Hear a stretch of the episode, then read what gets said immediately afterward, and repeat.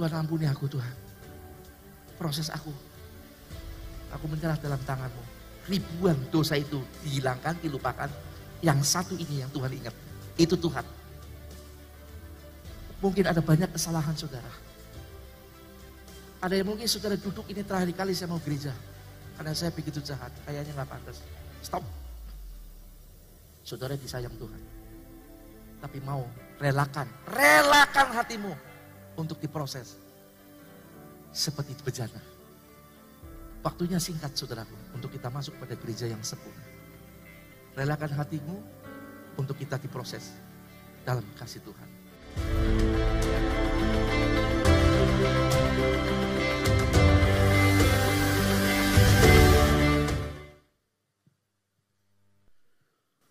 Puji Tuhan.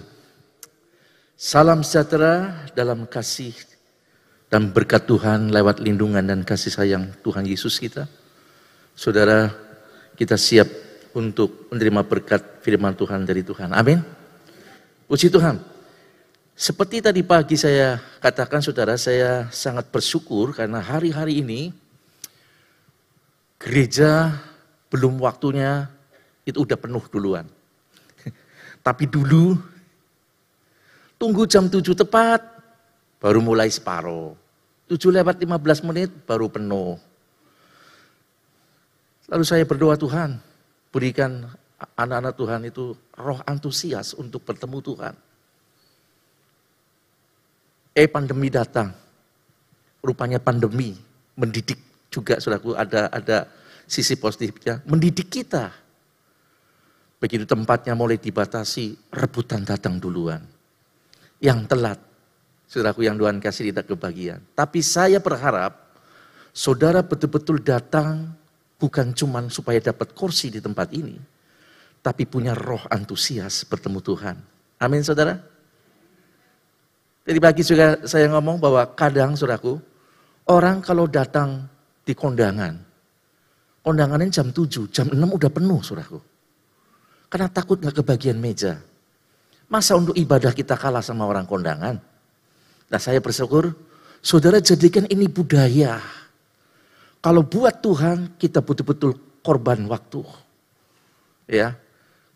Kemudian juga dalam soal berpakaian, saya bersyukur, saudaraku ya. Tidak ada yang ini. Tapi kalau saya lihat perbedaan antara di ibadah sama di pesta, lah aduh jauh saudara. Kadang saya sering melihat orang jadi pangling ketika di pesta. Maaf biasa pakai daster. Begitu ketemu di pesta, seperti putri. Putri salju. Ayu teman, saudara. Sini biru, merah, hijau, kuning. Manglingi. Tetapi untuk ibadah pun kita jangankan. Bukan berarti kita harus merias-rias. Ya se seperlunya lah ya.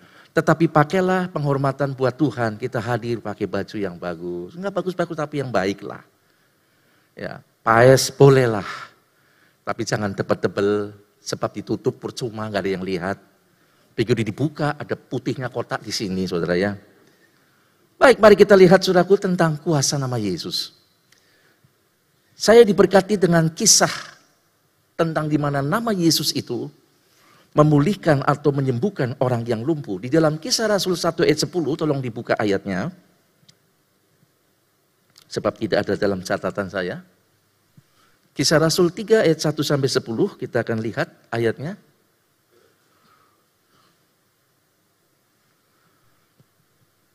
Ini dia. Pada suatu hari menjelang waktu sembahyang, kayak kita ini, yaitu pukul 3 petang, kalau kita jam 5 tadi. Naiklah Petrus dan Yohanes ke bait Allah. Di situ ada seorang laki-laki, tidak disebut namanya. Yang lumpuh sejak lahirnya sehingga ia harus diusung. Tiap-tiap hari orang itu diletakkan dekat pintu gerbang bait Allah yang bernama Gerbang Indah. Untuk meminta sedekah kepada orang yang masuk ke dalam bait Allah. Ketika orang itu melihat bahwa Petrus dan Yohanes hendak masuk ke bait Allah, ia meminta sedekah. Mereka menatap dia dan Petrus berkata, lihatlah kepada kami. Ayat 5, Lalu orang itu menatap mereka dengan harapan akan mendapat sesuatu dari mereka. Tetapi Petrus berkata, emas dan perak tidak ada padaku. Tetapi apa yang kupunyai, kuberikan kepadamu.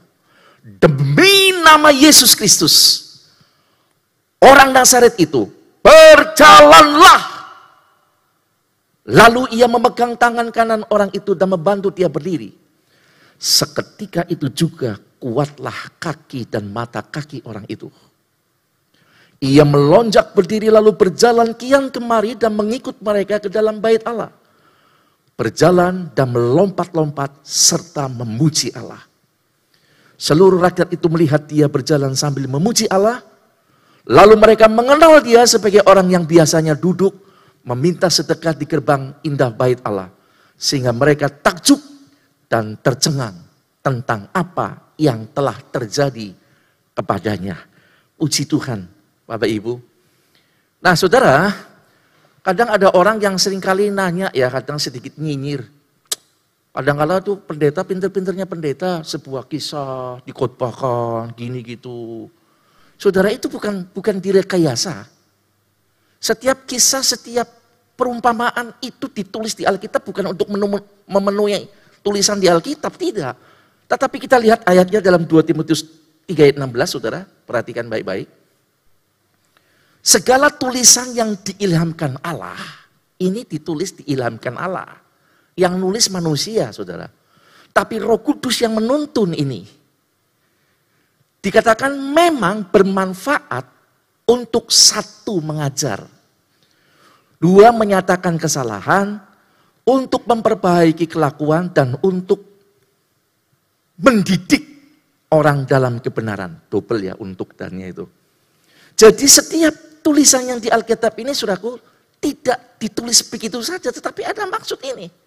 Nah termasuk di dalam kisah yang saya bawakan sore hari ini. Mari kita lihat tentang orang yang lumpuh ini.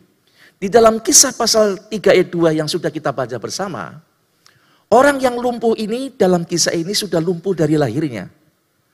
Bukan karena penyakit dan bukan karena kecelakaan, tapi memang sudah lumpuh dari lahirnya.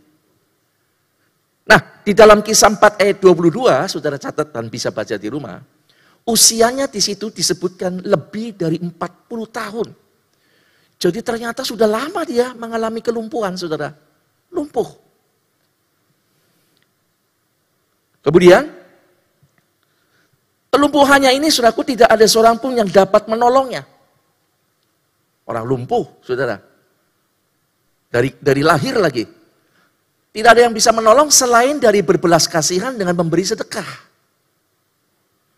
Nah, ditinjau dari sudut mana pun, orang ini mustahil disembuhkan, saudara. Kalau dia lumpuh karena kecelakaan, patah kaki masih bisa diberesin.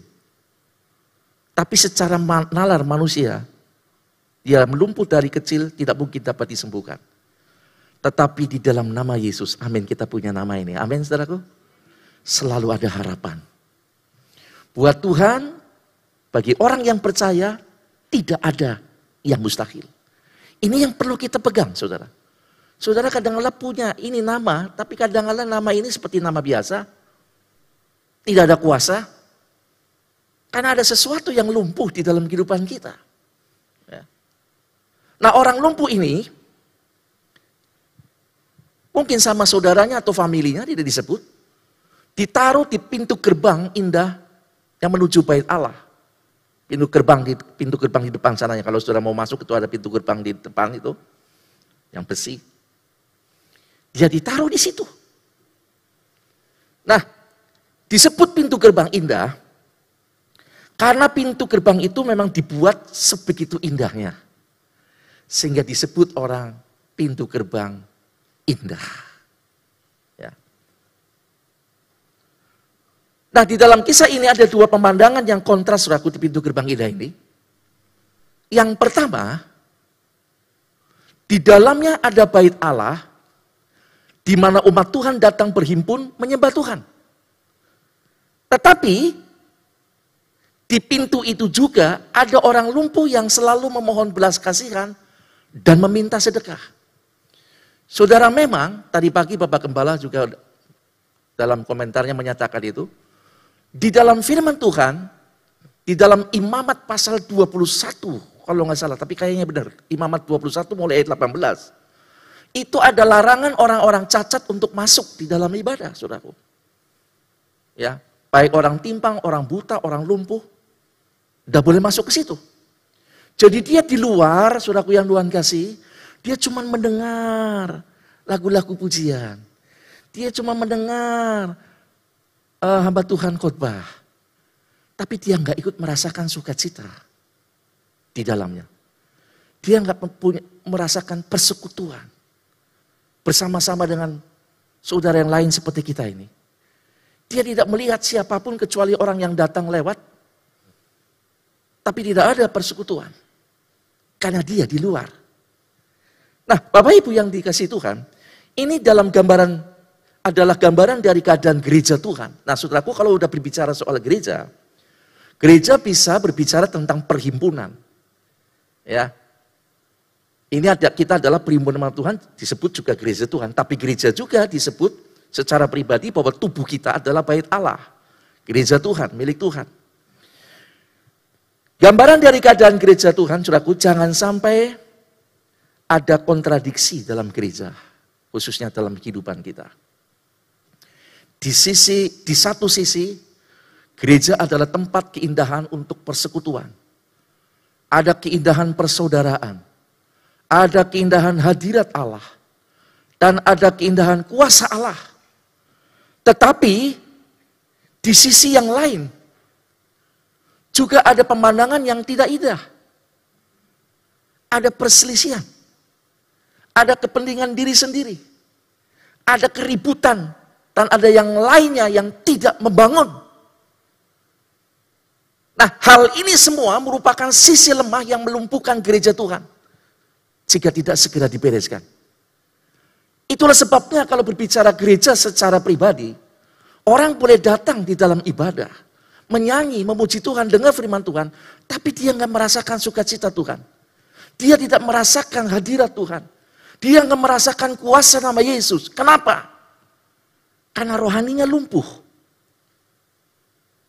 Dan yang membuat lumpuh itu adalah tadi. Hal-hal yang tidak dibereskan. Saudaraku yang Tuhan kasih, perselisihan itu akan melumpuhkan persaudaraan.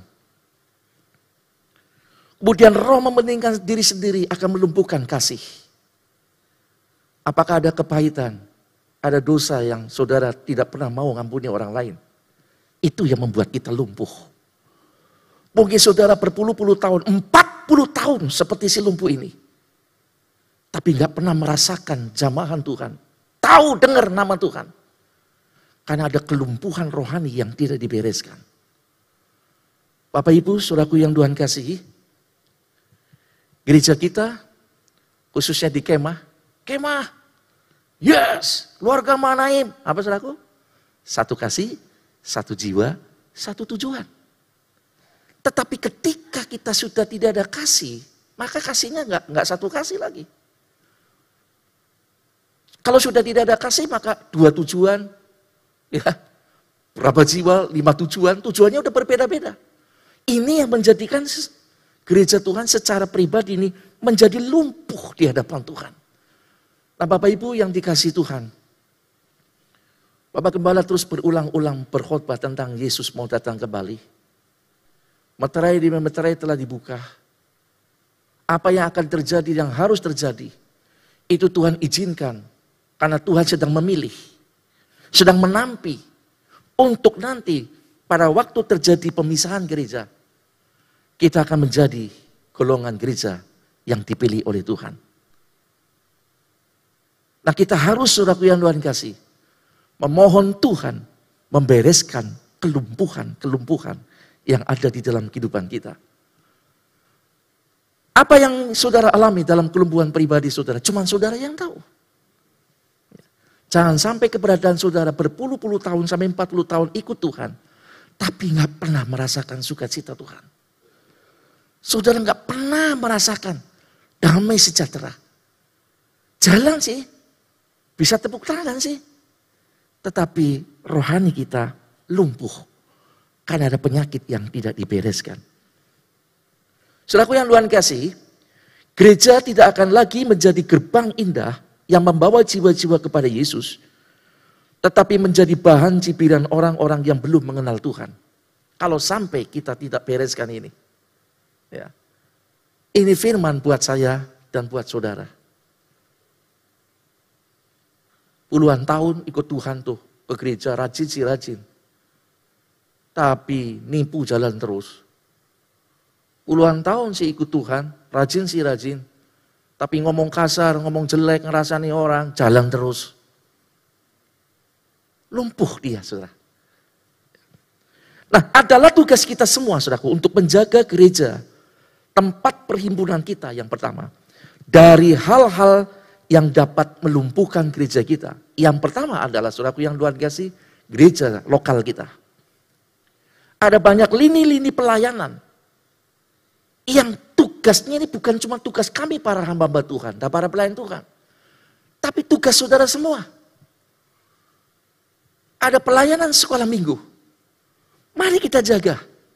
Mari kita bantu, jangan sampai sekolah minggu jadi lumpuh pelayanannya. Hari-hari ini suraku yang Tuhan kasih karena pengerja banyak yang sekolah Alkitab dan karena pandemi, kami kekurangan tenaga guru saudara dipanggil untuk menjadi guru sekolah minggu. Telah dibuka pendaftaran. Nanti saudara daftar, nanti saudara akan dilatih untuk melayani.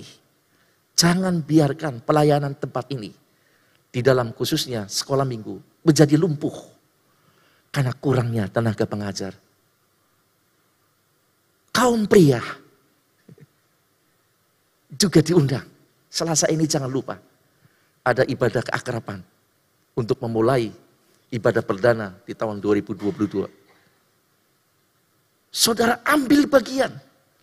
Bapak Gembala sudah sering, saudaraku, mendorong kita jangan jadi pelayan Tuhan atau jemaat yang tidak mengerjakan apa-apa. Tapi mari kita berkontribusi. Ada ibadah wanita, lansia, apalagi keluarga muda Jangan biarkan pelayanan itu menjadi lumpuh. Tapi bangun. Mari berkontribusi. Ya. Kepengurusan-kepengurusan yang bolong, saudaraku. Saudara dipanggil untuk mengisi di dalamnya. Kemah. Para kakak dan kati. Ya. Berjuang untuk terus, saudaraku ya Tuhan kasih pelayanan itu. Supaya terus perjalanan tidak menjadi lumpuh. Saudara berkontribusilah. Bergabung di kemah. Untuk kita tumbuh bersama di situ. Ini dari sisi pelayanan gereja lokal. Dan ada banyak suraku lini-lini pelayanan gereja tempat ini. Ketika kita aktif berkontribusi, memberi diri kita sesuai kapasitas kita melayani, saudara, saya percaya ini indikasi jadi perhatian Tuhan untuk kita menjadi gereja yang akan terpilih pada waktu pemisahan gereja. Gereja yang nanti akan diangkat oleh Tuhan. Jauh dari mata ular atau si antikris. Tetapi gereja yang tertinggal, yang tidak terpilih, akan masuk pada pemerintahan antikris. Saudara bisa buka lagi itu di Youtube ya khutbah Bapak Kebala tentang hal ini. Nah marilah kita jaga supaya pelayanan ini tidak menjadi lumpuh. Nah secara pribadi dalam kerohanian hidup kita, kita pun harus, saudaraku, segera kelola. Apa yang membuat saudara lumpuh? Apakah emosi saudara masih lumpuh? Ya, sedikit-sedikit marah. Marah boleh, saudaraku, tapi kalau marahnya irasional di luar itu nggak bagus. Benar-benar pecah piring, benar-benar pecah gelas, lama-lama habis itu, saudaraku. Perabotan rumah tangga. Ya, kalau ada bapak-bapak kayak gitu, suraku, semua perabotan ganti plastik semua aja, suraku mau banting, mental, nggak pecah. Atau ada sesuatu yang lain yang membuat lumpuh dalam kehidupan kita. Saya dan saudara secara pribadi yang paling tahu sisi mana yang lumpuh. Jangan sampai ini menjadi penghalang saudara untuk kita tidak menerima berkat Tuhan. menjadi penghalang untuk kita menerima jamahan kuasa Tuhan. Puji Tuhan. Mari kita lanjut. Kembali kepada orang yang lumpuh ini, saudaraku. Orang yang lumpuh, yang merasa tidak punya harapan. Ah, jangan sampai kita begitu, saudaraku. Kita semua punya pengharapan. Ia tidak lagi mencari pemulihan, tetapi beralih kepada hal-hal materi. Itulah sebabnya dia duduk di situ hanya minta-minta. Orang yang lumpuh rohaninya, sudah aku perhatikan, akan teralihkan perhatiannya kepada perkara jasmani. Saudara secara umum, hidup kita itu dibagi dua. Roh, keinginan, dua dalam dua keinginan. Keinginan roh dan keinginan daging. Ketika roh kita lumpuh, maka yang akan muncul itu ya kedagingan kita. Jasmani kita. Itulah sebabnya orang-orang yang rohaninya lumpuh, suraku. Ketika disentuh perkara jasmaninya, dia langsung menyala, saudara. Ketika disentuh hal-hal yang dagingnya, dia merasa, aduh, ini tentang kehormatan. Dia udah menyentuh sesuatu yang dari dagingnya. Dia akan tidak terima. Gampang sekali tidak terima. Gampang sekali mutung. Tersentuh sedikit aja hal-hal jasmaninya Langsung suraku berkata, saya berhenti untuk melayani. Saya berhenti untuk terlibat dalam apa. Ini jangan suraku. Itu tandanya orang ini rohaninya mati.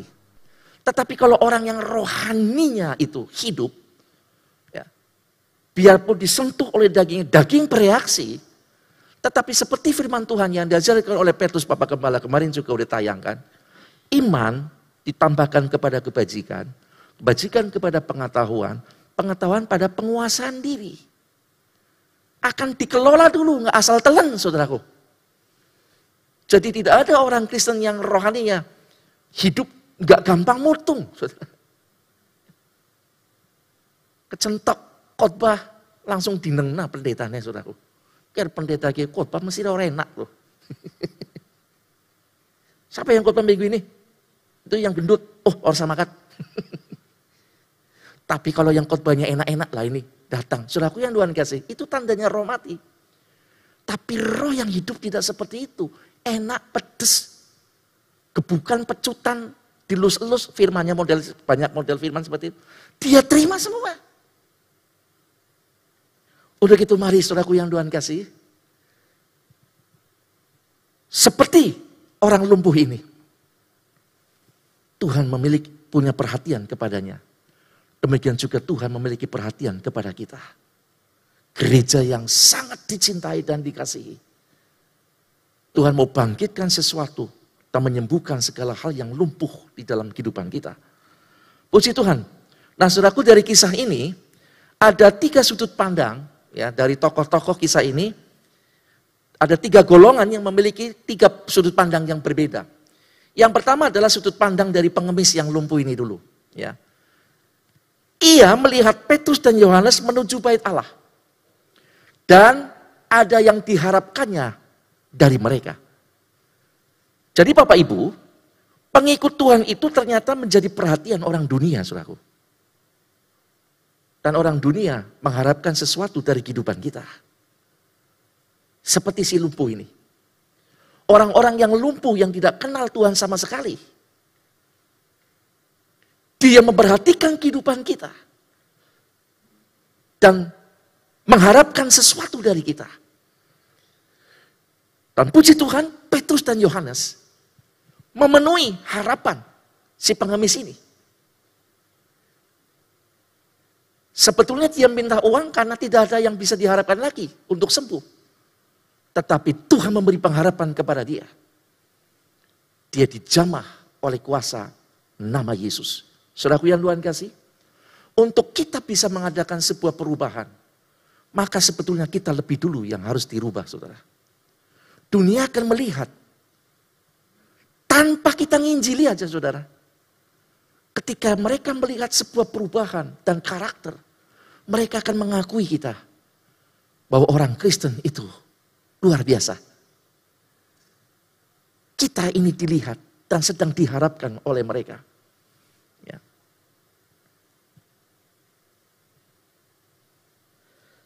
Saya ingat ketika papa saya koma tujuh hari di rumah sakit, saudara. Matanya udah melek tapi nggak bisa kedip. Ini suster ini pengangguran, dia nggak tahu kalau saya pendeta. Dia bilang begini, Bapak nyun sewu katanya. Iya, nyun sejuta juga saya kasih bu. Nah apa bu? Apakah Bapak punya pegangan? Saya kaget, lo tanya kayak gini? Kenapa bu? Ini nyun sewu ya? Iya, 20 ribu tuh boleh, bukan seribu. Dia ketawa lagi. Biasanya ada pegangan. Pegangan apa? Ya, nyuwun sewu lagi.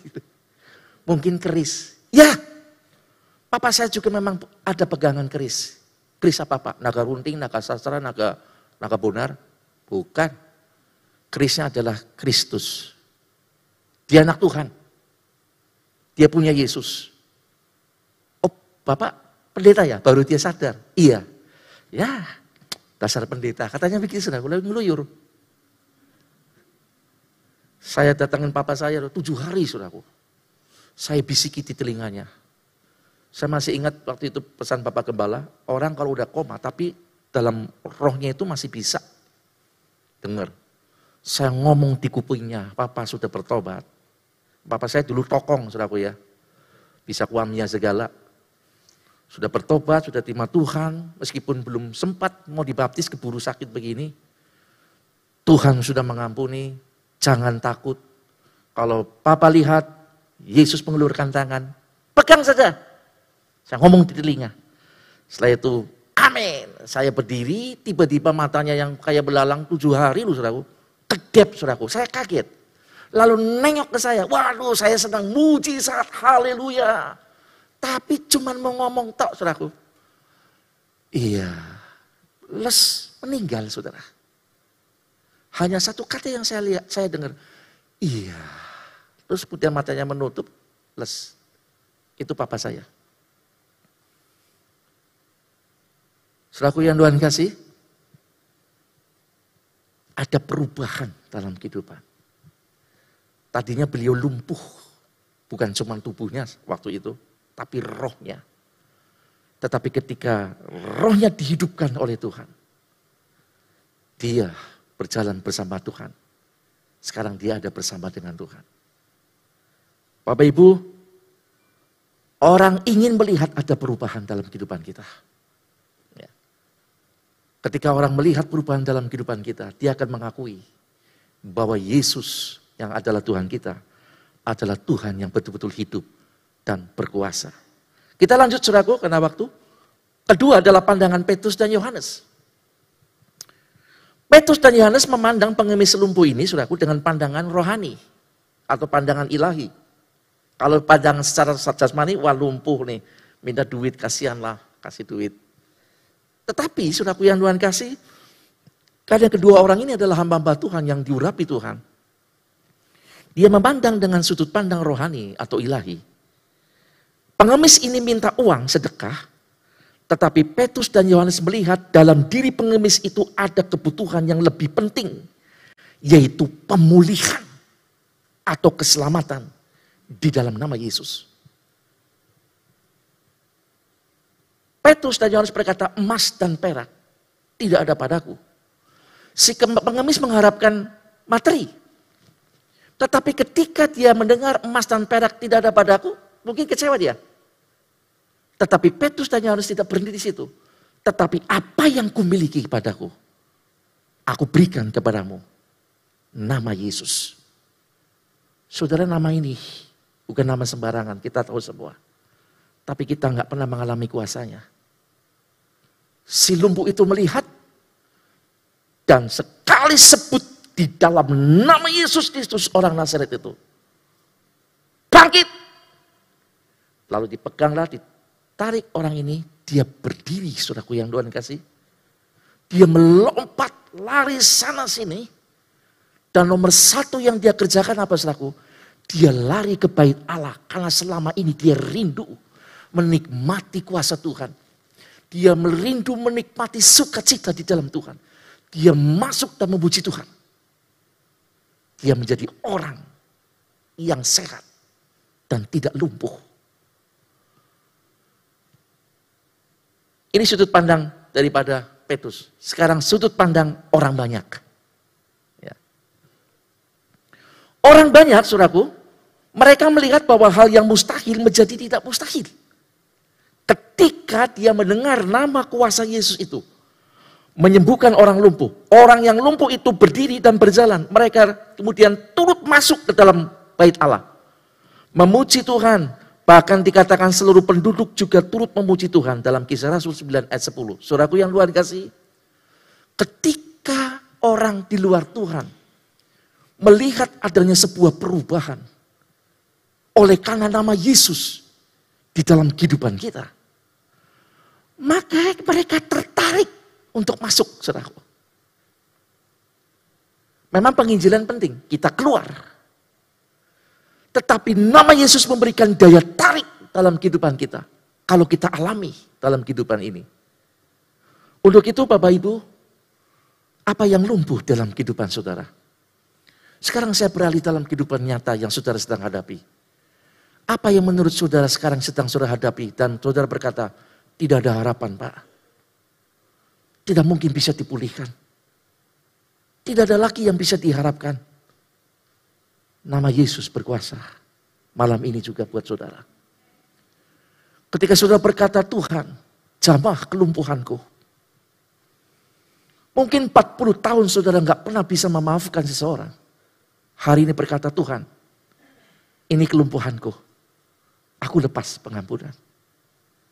Mungkin 40 tahun saudara kepahitan, benci sama seseorang. Saudara berkata, Tuhan ini lumpuhku. Bangkitkan. Maka Tuhan pun akan berkata, ada hal lain yang lumpuh dalam kehidupanmu. Mungkin usaha saudara mulai lumpuh. Saudara nggak punya harapan. Masa depan saudara mungkin dilihat lumpuh, tidak ada harapan. Pekerjaan saudara, hubungan rumah tangga saudara, satu dengan yang lain Mungkin sudah rusak, lumpuh. Malam hari ini saudara berkata, ada nama Yesus. Saat saudara merasa tidak ada jalan, saudara merasakan kepahitan hidup, saudara punya nama yang luar biasa. Nama itu jaminan kita. Jangan lari ke mana-mana saudaraku. Pegang nama ini, imani nama ini. Katakan Tuhan bangkitkan aku dari kelumpuhanku kelumpuhan kebodohan, kelumpuhan kebodohan rohani, kelumpuhan-kelumpuhan yang menjadi kita melakukan banyak hal kesalahan. Maka segala sesuatu yang lumpuh dari apa yang saudara harapkan, Tuhan akan pulihkan. Kita akan bangkit meloncat dan memuji Tuhan.